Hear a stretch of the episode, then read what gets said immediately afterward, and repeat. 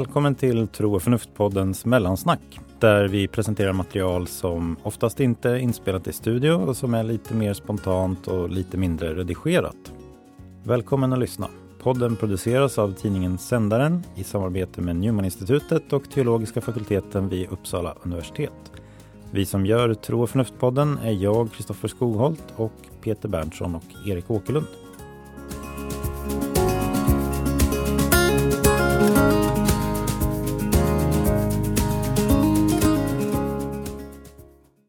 Ja, välkomna till ett nytt avsnitt som vi spelar in torsdag den 6 januari och det är ju på trettondagen eller Epifania när stjärntydarna kom till Jesusbarnet och den heliga familjen.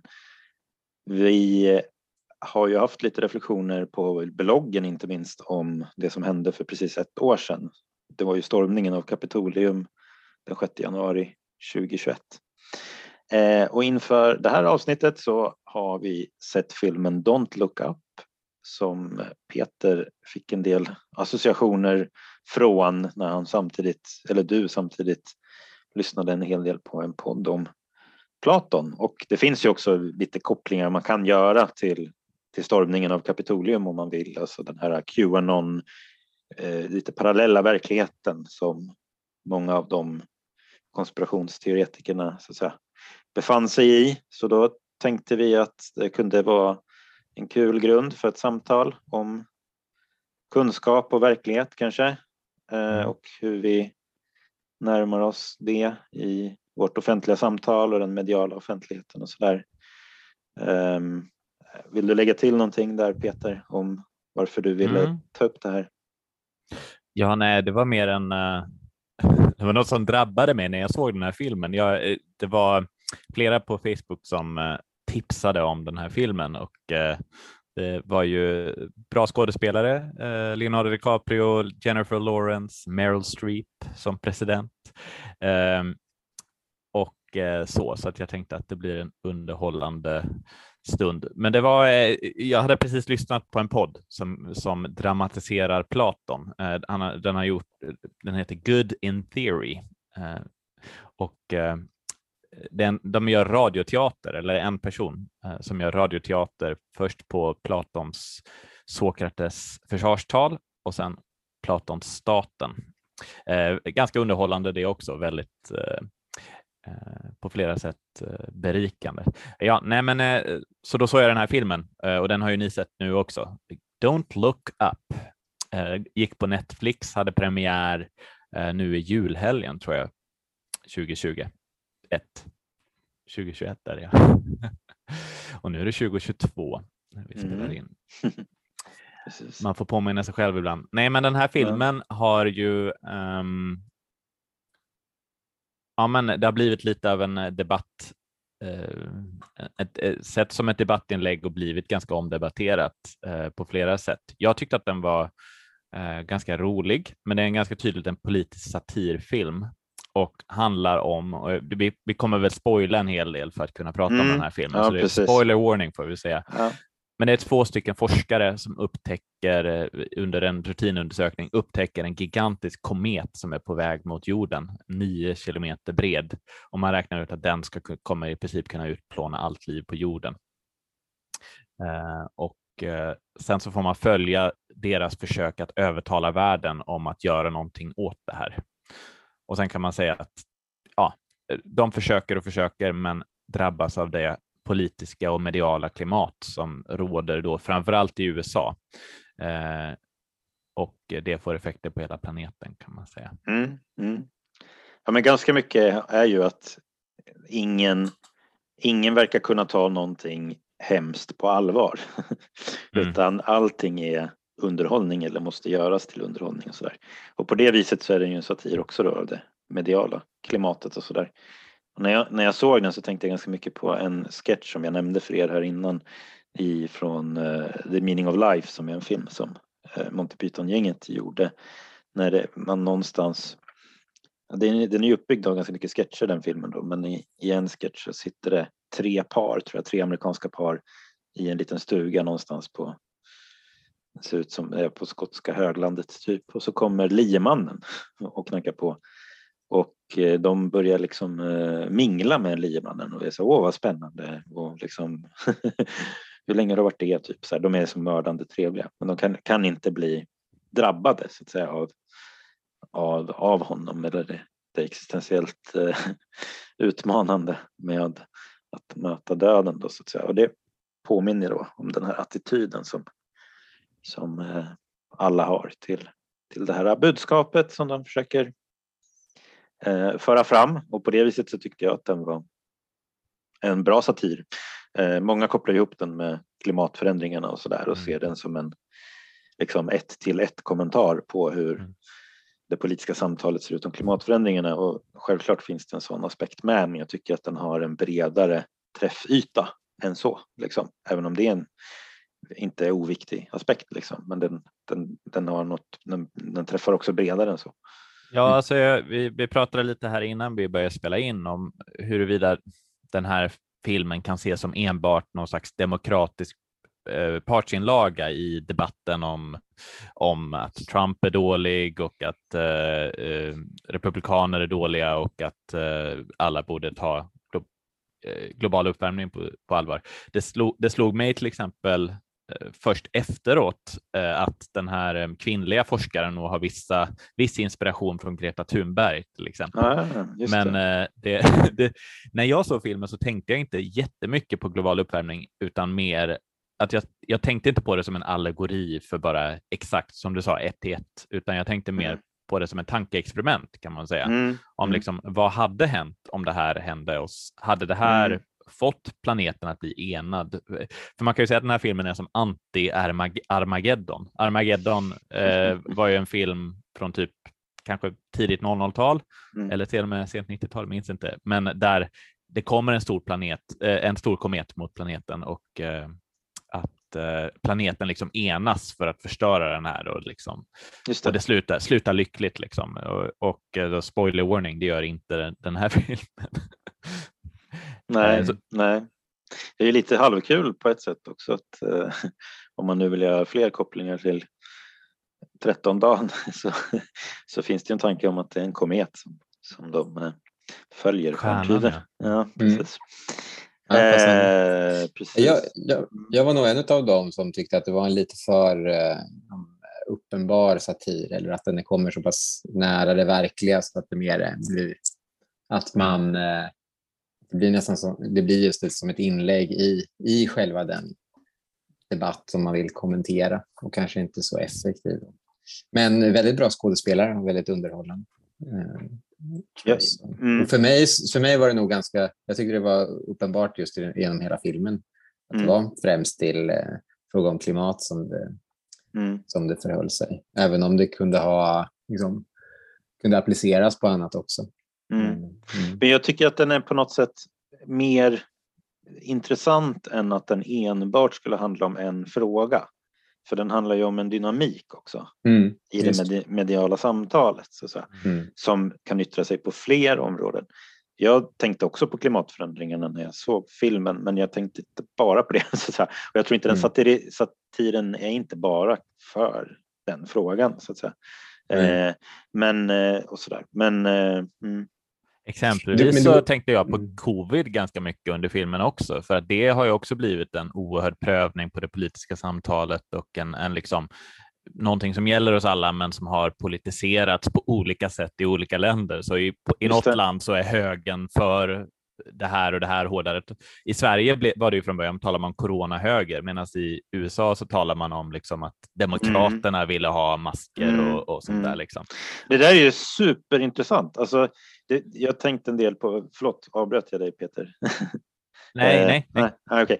Nej, men det är superintressant för att det finns ju en sociolog som heter Pierre Bourdieu som har gjort en poäng av att olika så att säga, grupperingar har olika identitetsmarkörer och tillhör du en grupp så, så, så gör du typiskt sett inte det där eller köper inte de varorna. Du har inte en BMW om du tillhör kultur en slags kulturmedelklass, eh, liksom. även fast det kanske är bra bilar och säkert finns miljövänliga bilar och så där. Utan det är liksom, ja, och så vidare. Och du spelar tennis är mer en högergrej och vad du dricker och allt sånt där det, det, är symboliska identitetsmarkörer och de har ju ingen så här, det är ingen logisk koppling nödvändigtvis. Det kanske har funnits en sån koppling någon gång. Alltså mm. rika, man, rika människor spelade tennis när tennis kom liksom. Eh, i vita kläder som var dyra och så vidare. Men nu har det blivit så att åsikter har blivit på det sättet. Och de är lite frikopplade från den logiken i det. Och det där är ju, corona-exemplet är supertydligt där. Hur högern i Sverige har varit, i alla fall från början, var liksom mer pratade om behovet av eh, att ta, ta det här på allvar och införa samhälleliga begränsningar i Sverige medan det i USA är tvärtom. och där de liksom en del demonstrerar för så att säga be, be like Sweden och så här. Och, och det liksom det finns ingen logisk grund egentligen för varför varför vänstern skulle vara de som vill att ekonomin, eller liksom att de, man kan ju tycka att det är mer alltså i så fall fri företagsamhet som liksom, Svenskt Näringsliv kanske som skulle driva att vi måste hålla samhället öppet. Det gjorde de väl också? Eller? jag vet inte, jag har inte följt det, men, men liksom eh, eh, sådär. Men man kan också säga att vissa restaurangägare har sagt att det är bättre om, om staten säger att vi måste stänga för då kan vi också förvänta oss vissa mm. ersättningar. Men nu blir det liksom den här antingen eller, liksom, eller varken hackat eller malet. Så, så. Håll öppet men ta inte emot några kunder. eh, eh, men, eh, ja, men ni fattar vad jag menar. Och, och där har jag en, en liten liknelse som, som jag brukar använda då för att, att förklara eller förstå den här eh, så att säga, logiska frikopplingen egentligen mellan åsikter och gruppidentitet eller politisk identitet och sådär. Och det, jag brukar tänka, jag drog ju den innan här men jag får dra den för lyssnarna också. Alltså jag brukar tänka då på, på samhället och den mediala offentligheten som en skola med två våningar. Och på den nedre våningen så har du så att säga, själva skolverksamheten, eh, klassrummen med eleverna och du kanske har mobbning och det kanske är dåliga lokaler och så vidare. Och på övervåningen så har du Eh, de som bestämmer i skolan som gör olika värderingsövningar om vad man ska göra åt problemen på den nedre våningen. Och då är min poäng att när man gör den här värderingsövningen, man får ställa sig i olika hörn beroende på om de tycker X, Y eller Z. Men laddningen för om man ställer sig i det här hörnet beror inte så mycket på vilka konsekvenser det får på nedervåningen i den samhälleliga verkligheten för de här olika eh, ståndpunkterna. Utan det beror mer på vilka, an, vilka som står i samma hörn, vilka som står i de andra hörnen. Och så har du fått en, en, en medial offentlighet där laddningen i åsikterna tenderar att frikopplas från konsekvenserna för den samhälleliga verkligheten. Utan mm. den består mer om, så att det blir viktigare hur du så att säga, mm. positionerar dig i det här symboliska rummet, symboliska mm. sociala mm. rummet. Eh, Vi, så. Men, jag men tycker, mm. Jag tänkte just eh, återknyta till Peters eh, början där, inte för att avsluta, men, men det, med, det, det tycker jag just någonting sånt som just Platons staten och grottallegorin just handlar om. Att det, de som är i grottan håller på med det där symbolspelet i det politiska. Platon är extremt kritisk mot speciellt demokrati egentligen, eh, men mycket av just det politiska spelet, låt säga. Och skiljer det från, från liksom verkligheten. Man kan ju läsa den på många sätt, men det, det är ett sätt att läsa eh, allegorin. Och det är väl där jag tycker då att en, en låt säga, allegori, om man ser den här filmen som en allegori som kommer allt för nära nuvarande verklighet, mister lite av sin kraft som allegori för att den mm. ger sin egen uttolkning och blir allt för bokstavlig. Låt säga. Ja. Ungefär som Tolkiens kritik av, eh, av eh, C.S. Lewis. Liksom. Eh, allegorin måste få bevara sin självständighet gentemot den, det, liksom, det får inte bli för, för mycket en aktör i det spelet. Nej, precis. Sat, Nej. Satiriserar. Jag håller med om mm. det. Samtidigt som jag tyckte att många har ju sagt så här att det är svårt att hålla på med politisk satir efter Trump. Stephen Colbert mm, ja, till exempel har sagt ja. jag kan inte fortsätta med min karaktär för verkligheten Nej. överträffar den. Men ja. här har man hittat ett sätt att, så att säga, göra satir Just. på ett sätt som då eh, ändå överträffar. Men, men, eh, men, men ja, hon är ju ganska, hon är, jag tycker egentligen att huvudpersonen ändå är ganska, presidenten Meryl Streep i den här filmen är ändå mindre vulgär än Trump om du frågar mig. Ja, hon är ju inte lika vulgär i sitt språk. Det är hon ju inte. Men, eh, mm. men det är väl ändå tveksamt att han skulle ha ett valspråk som var men, don't look up. Nej, det jag, men jag tror där, eh, jag tänker på det. Jag, jag, tror, jag gissar att det, det har varit en, en, en liksom, mm, ett drag ända sedan man fick de lite större politiska enheterna i och med säg, neolitiska revolutionen för 10 000 år sedan, eller i alla fall sedan högkulturernas uppkomst, att det blir en skillnad mellan att å ena sidan ta tag i verkliga problem och verka för den gemensamma bästa och så vidare, och å andra sidan att bevara sin makt. Sen, sen har det liksom accelererat och antagit abnorma former kanske i, i, på grund av vissa mekanismer i dagens samhälle. Så. Men att den, den grundläggande, det grundläggande där handlar om den dikotomin någonstans. Och, och den, den här podden som jag lyssnat på, Good in Theory, som, som analyserar Eh, eller eh, dramatiserar och analyserar staten då framför allt och även Sokrates försvarstal. De hänger ju samman lite kan man säga för att Sokrates blir som historisk person. Eh, vi vet bara om honom egentligen genom Platon och bland annat vad är det, Aristofanes pjäs Molnen och Xeno, det är en till, Xenofanes kanske han heter. Eh, Xenofanes. Xenofanes, precis, som också skrev om Platon, men, men han skrev ju ingenting själv. Eh, men han blir ju avrättad för som att Jesus.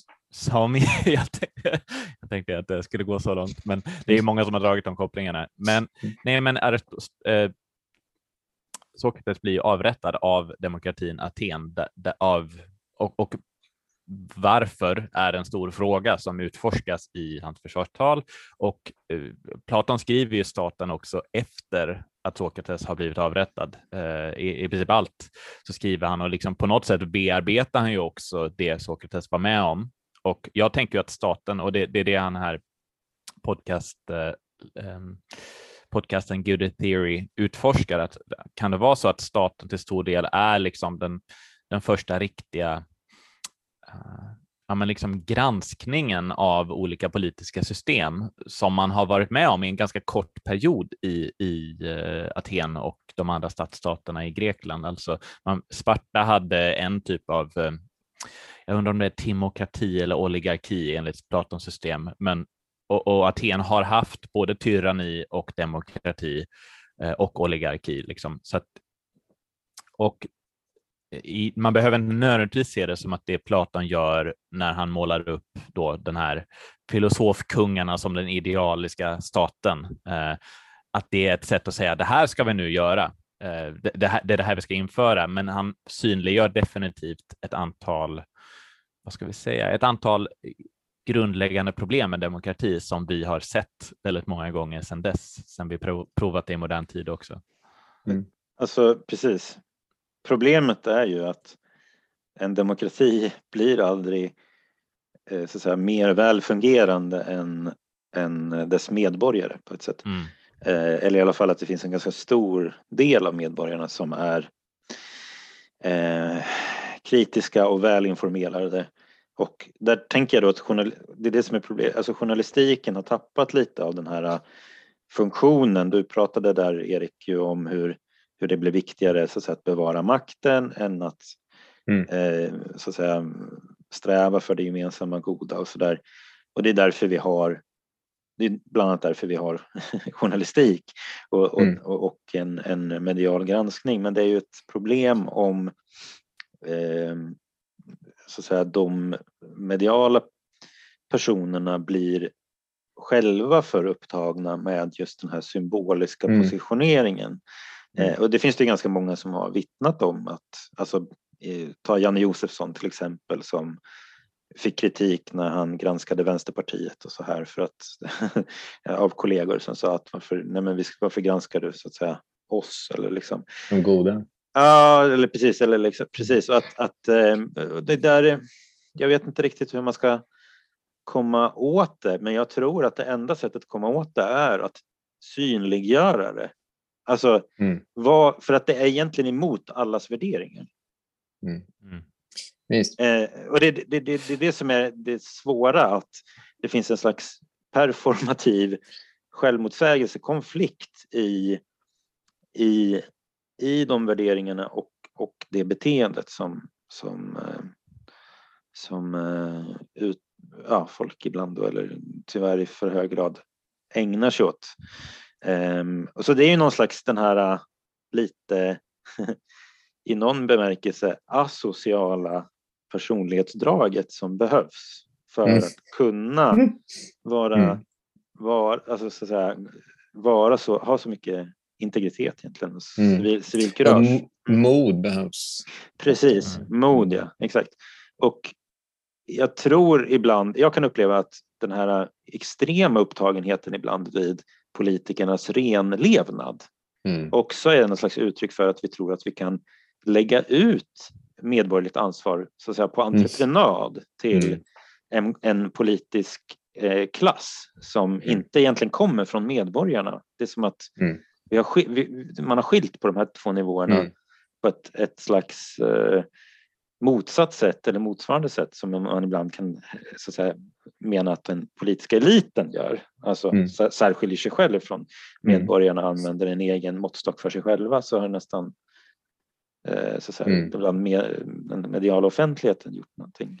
Det finns mm. ju en, en scen som, det, det som jag tycker är nästan den den, den viktigaste scenen, eller det mest, den det jag mådde sämst i alla fall när jag såg filmen, det är när de ska till, på det här nyhetsprogrammet, när de ska sitta i den här soffan eller panelen, de två klimatforskarna i filmen och tillsammans med två stycken superklämkäcka positiva eh, värdar då som först har intervjuat ja. någon slags eh, du, du menar Men de den... två astronomerna? De två astronomerna, vad sa jag? Mm. Sa jag Klimatforskarna, det, det, var det. Var det uh, I rest my case. Ja, ja jo, mm. precis. Mm. Nej, men eh, för jag, nu, sen har jag tänkt på Greta Thunberg bland annat när jag har, ja. när jag, efter den här filmen. Men, nej, men eh, jag undrar om, såg ni det när ni såg filmen, att i den här scenen då, det som händer är att de ska de blir helt chockade över hur glättigt det här är och att de, alltså, oj, de kommer inte lyssna på oss, de börjar ana det. Och sen så försöker de in, få, få alla att förstå allvaret. Och den här, den kvinnliga eh, astronomen då, eh, man kan säga att hon blir så upprörd och arg att hon bara säger, stirrar in i kameran och säger “Förstår ni? We're all gonna die! We're all gonna...” och sen så svär hon lite och sådär.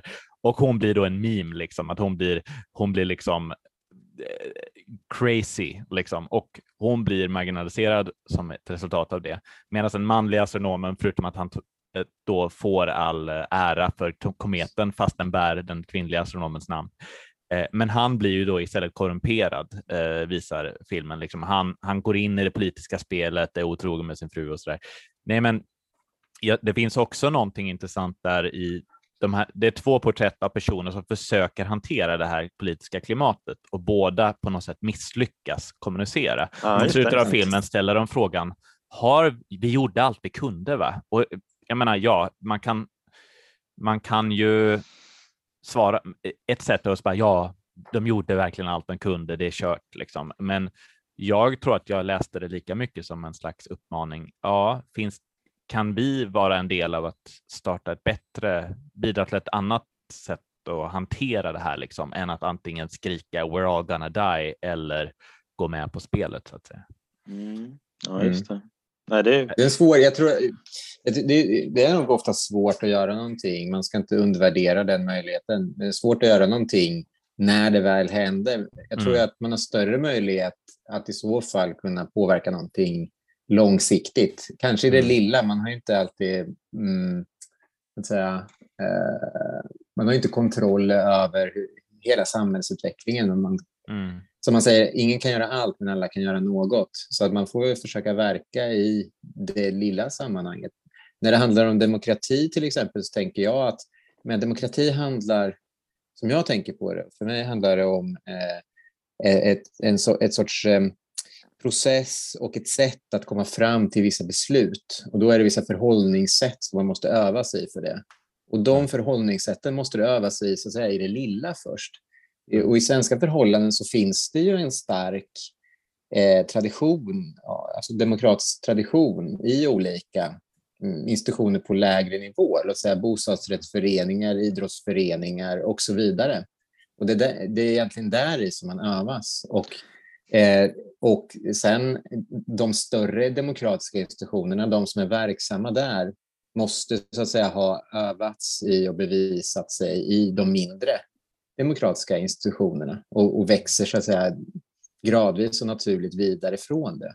Och det är så man bevarar kopplingen mellan, det är så man så att säga bevarar mark, eh, markkontakt. Eh, och det är när, de, när det försvinner, så att säga, som det bland annat har gjort genom, eh, ja, nu ska vi inte gå igenom Sveriges moderna politiska historia, men, men det, det, det, tror jag är, om man ska vända på det på det sättet, då, det är ju ett sätt att verka för att eh, bevara mer grundade demokratiska strukturer, att engagera sig i den typen av mindre sammanhang som är demokratiska och ta del i så att säga, vad man tycker är goda sammanhang och bygga upp dem. Det är ju, jag håller med om det du säger samtidigt som jag tänker att eh, så en aspekt som vi som man kan lyfta fram lite tydligare det är ju också att eh, när det gäller det politiska samtalet för en nation så måste det ske genom massmedier. Mm. Eh, det, till skillnad från i en bostadsrättsförening eller en idrottsförening eh, mm. eller ens Svenska Riksidrottsförbundet så att säga. Då kan du, den, den är så pass, du kan liksom över, du kan nå där och då när du gör det på en massmedial nivå så finns det en koppling till eh, underhållning. Du konkurrerar mm i kommersiell, i en kommers mm. kommersiell struktur. Vi var inne lite på politikens så att säga inneboende korrumperande tendens som finns. Mm. Men där man blir mer intresserad av att kanske bevara makten så att säga. Men problemet är ju att det mediala forumet man, man har gjort sina undersökningar om hur länge får politiker prata i ett nyhetsinslag. Det blir bara kortare och kortare och kortare. Mm. Och tittar man på gamla eh, program. Jag, kan, alltså jag kollar på gamla program från 90-talet för att jag har kollat lite på om, om Palmemordet och sådana saker. Man ser mm. granskningsprogram som Striptease eller mm. det, är ju, det är ju ett mycket lägre tempo. Ja, det, och det är, och det, det, det är mycket den också, vad ska man säga, mm. problematiken då att, att när det handlar om alltså att vi, det är underhållning så mycket som är kontexten för det politiska samtalet mm. så är det ganska svårt. Mm. mm. Eh, och det är, ju, det är en anledning till att jag anser att, att sånt som public service har så att säga, en funktion i ett politiskt mm. demokratiskt samhälle eh, utan att säga att, liksom, att det alltid är helt oproblematiskt och så, för det, det är det ju inte. Men, eh, men det finns liksom en nödvändig motvikt så att säga mot mot ett sånt, eh, en sån struktur. Mm. Så den, det är som att den kommersiella strukturen och den politiska strukturen här samverkar till att mm. ta bort kopplingen mellan eh, den mediala diskussionen och den konkreta samhälleliga ja. verkligheten. Mm. Ja, mm. nej, men alltså, vi pratar ju lite, du använder den här metaforen om skolan eh, med mm. övervåning och undervåning och jag tänker någonstans det som händer med sociala medier, inte minst. Mm. Det är ju just att att det är som att alla som eh, i ett tidigare medialogik så bodde majoriteten av befolkningen på nedervåningen och hade någon slags markkontakt. Och, eh, eller jag menar, någonstans så har vi väl vi alla markkontakt. Vi går alla, vi behöver alla köpa mjölk liksom. Vi behöver alla, även om Olof Palme inte kommer ihåg vad det kostade eh, eller hur det var. Mm. nej, men alltså det finns har alltid funnits de som kanske haft svårt med markkontakter, men de flesta, det kanske var så på tänker jag mig, 50-talet, att de flesta ändå inte hade så stort behov av att markera sig i olika värderingsövningar. Men med sociala medier så, så finns det fler och fler som dras in i det här värderingsövningsspelet så att säga mm. genom det att vi, vi lever i något slags panoptikon där vi betraktar mm. varandras olika reaktioner och det blir väldigt lätt att avgöra hur väl någon passar in i mm. liksom någon slags allmän jag, i den här podden Stormens utveckling så, mm. så utvecklar, har ju Ola Söderholm senaste tiden pratat om en forskare vars namn jag tappar nu, men som har lyft fram liksom vår tids personlighet, hur vi, hur vi blir till som personer, hur, hur vår, hur vår eh, hur vi konstruerar vår identitet. konstrueras. Mm. Precis. Mm. Och tre begrepp, sincerity, authenticity och nu då profilicity. Och jag, jag, tänker att det kommer väldigt nära vad som har hänt i, i just i, i Vad innebär det tredje? Där? Så det, det första är en slags för modern eh, bild. Okay. Mm. Eh, sincerity, det vill säga att jag konstruerar mitt jag i relation till någon slags eh, allmänna förväntningar i samhället från människor i min närhet. Liksom. Mm. Ganska organiskt traderade så. Mm. Och sen så kom authenticity eh, som är liksom kanske 1900-talets självbildskonstruktör. Ungefär, du ska finna ditt ditt, ditt rätta jag, ditt djupaste jag. Vem är du egentligen? Finna dig mm. själv sådär. Mm. Men det som har hänt lite i med sociala medier, det är att vi blir betraktade av en slags allmänhet på ett, en slags anonym allmän medborgare som gör att vi skapar profila, profilversioner av mig själv som mm. inte handlar varken om att finna mig själv eller att leva upp till någon slags sociala normer eller så som konstrueras av de jag faktiskt träffar, utan ja i, relation, i någon slags anonym konstruerad allmänhetsuppfattning. Mm. Och så mm. tror jag att bara kändisar levde eh, fram ja, till just nu. Det. Just det. Alltså, jag översätter det här lite grann med hederlighet, autenticitet och eh, ja, profilering. Då. Mm. Eh, och, alltså det är mer som att du, du ska inte ge uttryck för ditt äkta jag utan du ska ha en persona, så att säga, ja. en mask. En, mm. en persona som, som är, och i en mening kan vi säga att vi som individer har blivit vad politiker är. Mm. Vi, vi, vi, vi tävlar så att säga om marknadsandelar i form av symbol, symbolisk eller social, eh, social och sociala gillanden. Men, och där finns det, och då inkommer ju samma eh, dynamik här för att när det gäller till exempel att ta ställning som ett sätt att profilera mig och få mm. gillanden så är det ju, underlättar ju det om jag så att säga, förenklar och abstraherar en del så att det framstår som eh, ännu mer klandervärt att ha, ha, den åsikt jag tar avstånd ifrån. Så att säga. Alltså, det, det, det spär ju på polarisering i och med mm. att eh, mm. eh, så jag tror, ja precis, och det, det är ju lite sorgligt för att precis det som du var inne på Erik är ju om hur vi i de små gemenskaperna eller de mindre sammanhangen kan öva oss så att säga i de här medborgerliga demokratiska dygderna så är mm. ju det här ett sätt som vi blir socialiserade in till det mest problematiska med den mm. politiska logiken.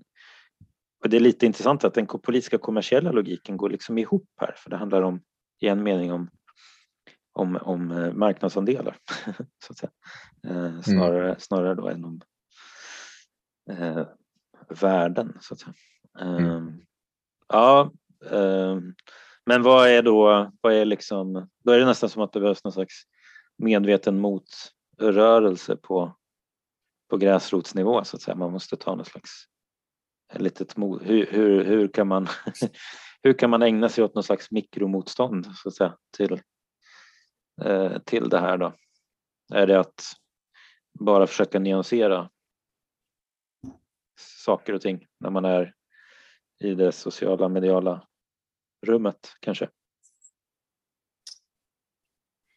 Ja, det är en jätte, jättefråga, men eh, jag tänker att det, det, det dels har, när det handlar om demokratin så handlar det ju mycket om att eh, bygga upp nerifrån, men när det handlar om liksom, eh, allmänna den där dragningen åt att man lever i sin persona och så vidare, det, då är väl det uppenbara svaret just att försöka leva i verkliga, konkreta gemenskaper med människor mm. som man har runt sig här och nu och leva i de relationerna snarare än i den där andra just det. Mm. Eh, världen. Men det där är ju väldigt, ja, det är man själv ständigt som får rannsaka sig se man gör. Det där, det där... Känn dig själv som Sokrates sa. Ja, och mm. alltså, apropå Platon igen då, så är ju hela det roliga med den dialogen, det är ju att frågan är egentligen, det är några unga män som frågar Sokrates i början då, vad är rättvisa? Vad är, och varför ska jag vara rättvis i alls Just. när jag bara skulle kunna låtsas vara rättvis och utåt och få reap, mm. alltså, ta emot uh, belöningen från att bli sedd som rättvis medan jag själv då lever som mm. en tyrann uh, och gör det, det, som är fel. För att så länge jag skördar. Eh, de liksom föreslår att borde inte det ultimata sättet att leva vara att vara en bov och, och roffa åt mig, men få det att se ut som att jag är en god människa. Det är mm. frågan som allting börjar med och för att svara på det här så, så utvecklar han i fem böcker då en, en låtsasstat. Han bygger en stat från grunden för att visa, för att förklara. Det är på samhällsnivå som vi på riktigt börjar se resultaten av att ha en så sjuk bild av uh, rättvisa.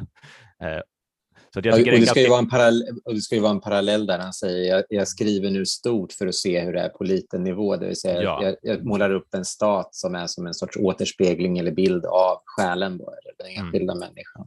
Mm. Precis, för ytterst sett så kan alltså, man har ju läst den här i politisk teori i, i, i årtusenden, men det har också lika mycket blivit en, en grundtext för att förstå en slags människosyn och en slags etisk människosyn som handlar om varför liksom hur detta hänger samman och det är ju liksom mikrokosmos, makrokosmos. Det finns flera sådana. Någonstans, apropå börja litet, så tänker jag att någonstans måste vi först börja tro att det finns någonting som heter rättvisa som inte bara är ett politiskt spel. Sen kan man mm. jobba mm. därifrån. Just det. Mm. Just det. Hur tänker ja. du själv? Hur jag tänker? Kristoffer som ställde frågan om hur man eh, ska, hur ja, man ska motverka det här. Ja, alltså precis. Um, jag vet inte um, sådär, uh, alltså jag tänker om jag får bredda frågan lite så kanske jag uh, tycker att det saknas. Jag, jag tänker att det som det som jag tänker att uh, en, en, en profet gör, det är ju att den på något sätt sätt, sätt, så att säga, klargör för folk mm. vad det är som pågår. Och jag tycker att det saknas den typen av eh, mm. eh, kommunikatörer. Så att säga. Jag vet inte riktigt. Eh, mm. liksom... Roligt att du använder ordet kommunikatör där ändå. Jag förstår vad du menar. Det var, det var bara lite oväntat. Uh, uh, den, typ, en typ av kommunikatör. Jo, ja, men det är inte absolut. kommunikation. Jag förstår vad du menar. Det är inte kommunikation jag är emot. Så. Nej. Eh, en profet är ju en kommunikatör. Ja. Eh, så. Eh, men eh, så att det är ju... Eh, jag kan, ja, precis. Nej, men det är om man på ett mer... Men eh, sen så tänker jag väl att det man kan göra som enskild person är typ att att försöka vara medveten om de här frestelserna så att säga. Mm. och att försöka motverka dem lite. Mm. Eh, sådär. Men jag tänker att det eh, skulle vara intressant med någon som kunde gestalta den här problematiken. Eh, jag tyckte ju att de lyckades lite grann med det i den här filmen men att det behövs nog eh, fler så att säga. Men ehm, Mm, för det finns mm. någonting av kejsarens nya kläder kring hela det här, tycker jag. Att det är på ett mm. sätt väldigt uppenbart, men, mm. men att eh, men det har inte blivit uppenbart så att säga, för oss riktigt. Mm. Men, eh, mm. men eh, ja, precis. Men jag tror man kan vara med, och det är ju ganska många som är ganska trötta på det också. Alltså, polarisering och positionering. Det är ganska många som egentligen är ganska trötta på det. Liksom. Men att det mm. är något slags ekorrhjul som vi inte kommer jag funderar ibland. Jag funderar ibland på, liksom, det har ju talats, ja men säg för, um, jag undrar om vi har nått peak postmodernitet också uh, i den mån att det, jag menar vi har ju på podden tidigare haft Åsa Wikfors som talar om alternativa fakta och så där och att någonstans uh, har ju det svängt om där att liksom för eh, på 90-talet så var det kanske eh, vänstern. Ja, nu är vi tillbaka i, i det här fram och tillbaka, men då var det vänstern som talar om att det inte finns någon, objektiv sanning mm, och nu är det Trump-högern som talar om att, inte mm. finns, att, att allt bara är perspektiv och så där. Mm. Och eh, min förhoppning är väl att det inte bara går snabbare och snabbare tills, tills det bara kollapsar, utan att man kan att, att man hittar tillbaka, alltså någonstans det, det Platon eller Sokrates eller så säger med grott, grottliknelsen, det är ju någonstans att, att det är inte lätt att hitta till den här eh, till den verkliga världen. Liksom. Det, är inte, det är inte lätt att se igenom de här skuggspelen eh, av, eh, av liksom vad som av de politiska spelen. Men och det kanske vi trodde förr, att, det, att vi, vi hade någon slags högmod som, som civilisation och att vi, nu har vi alla svaren på hur det verkligen ligger till. Vi har eh, vetenskapen, eh, vetenskapens säkra eh, resultat. Eh, förhoppningen som jag har i alla fall, det är väl att man hittar någon slags ödmjuk medelväg mellan eh, en övertro på någon slags tillgänglighet till objektiv sanning och eh, en det totala förkastandet av det. Mm. Men precis, det, det, är ju, det, det, tycker jag mig se någon slags tendens till, mm. så att säga. Men när jag tänkte på det här med åsikts, vad ska man säga, polarisering då, att man, man inte kan, alltså Horace Engdahl sa en bra sak i Min sanning när han eh, i diskussionen om, och nu är, också så här, nu är Horace en kontroversiell figur så måste man då så att säga lägga in ett citat av honom med förbehåll ja. eh, kring hans kontroversialitet. Men det tänker jag inte göra, jag bara noterar att ja. vi har den eh, dynamiken så att säga. Eh, men han, han sa en, en bra sak då, att han, vad han saknade liksom i svensk offentlig diskussion.